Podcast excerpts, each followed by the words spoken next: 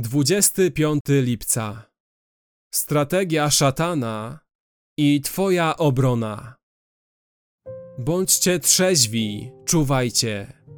Przeciwnik wasz, diabeł, chodzi wokoło jak lew ryczący, szukając kogo by pochłonąć. Przeciwstawcie mu się mocni w wierze. Pierwszy list Piotra 5, 8 i 9. Dwoma wielkimi wrogami naszych dusz są grzech i szatan. A grzech jest najgorszym wrogiem, ponieważ jedynym sposobem, w jaki szatan może nas zniszczyć, jest skłonienie nas do grzechu i powstrzymywanie nas od upamiętania. Jedyną rzeczą, która sprowadzi na nas potępienie, jest nieprzebaczony grzech nie szatan. Bóg może dać szatanowi swobodę wystarczającą do tego, aby nas sponiewierał, jak było to w przypadku Hioba, lub nawet nas zabić, jak było to w przypadku świętych w Smyrnie. Objawienie Jana 2:10. Ale szatan nie jest w stanie nas potępić lub pozbawić życia wiecznego. Jedynym sposobem, w jaki szatan może wyrządzić nam ostateczną szkodę, to wpływanie na nas, byśmy grzeszyli i powstrzymywanie nas przed upamiętaniem. I dokładnie to stara się zrobić.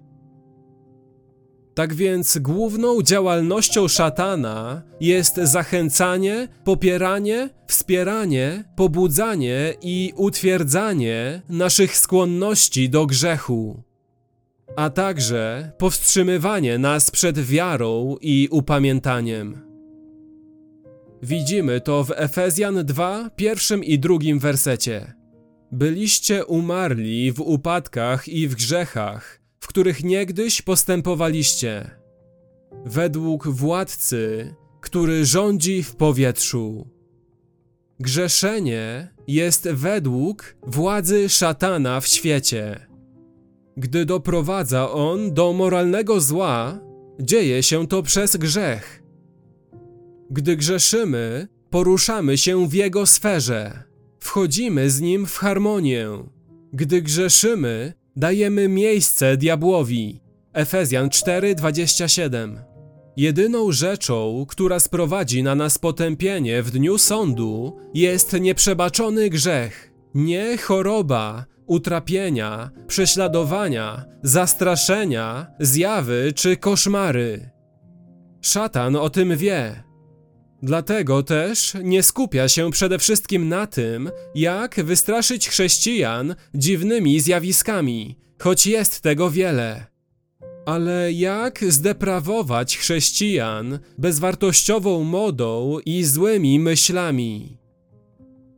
Szatan chce nas złapać w momencie, kiedy nasza wiara nie jest mocna, ale kiedy jest podatna na zniszczenie.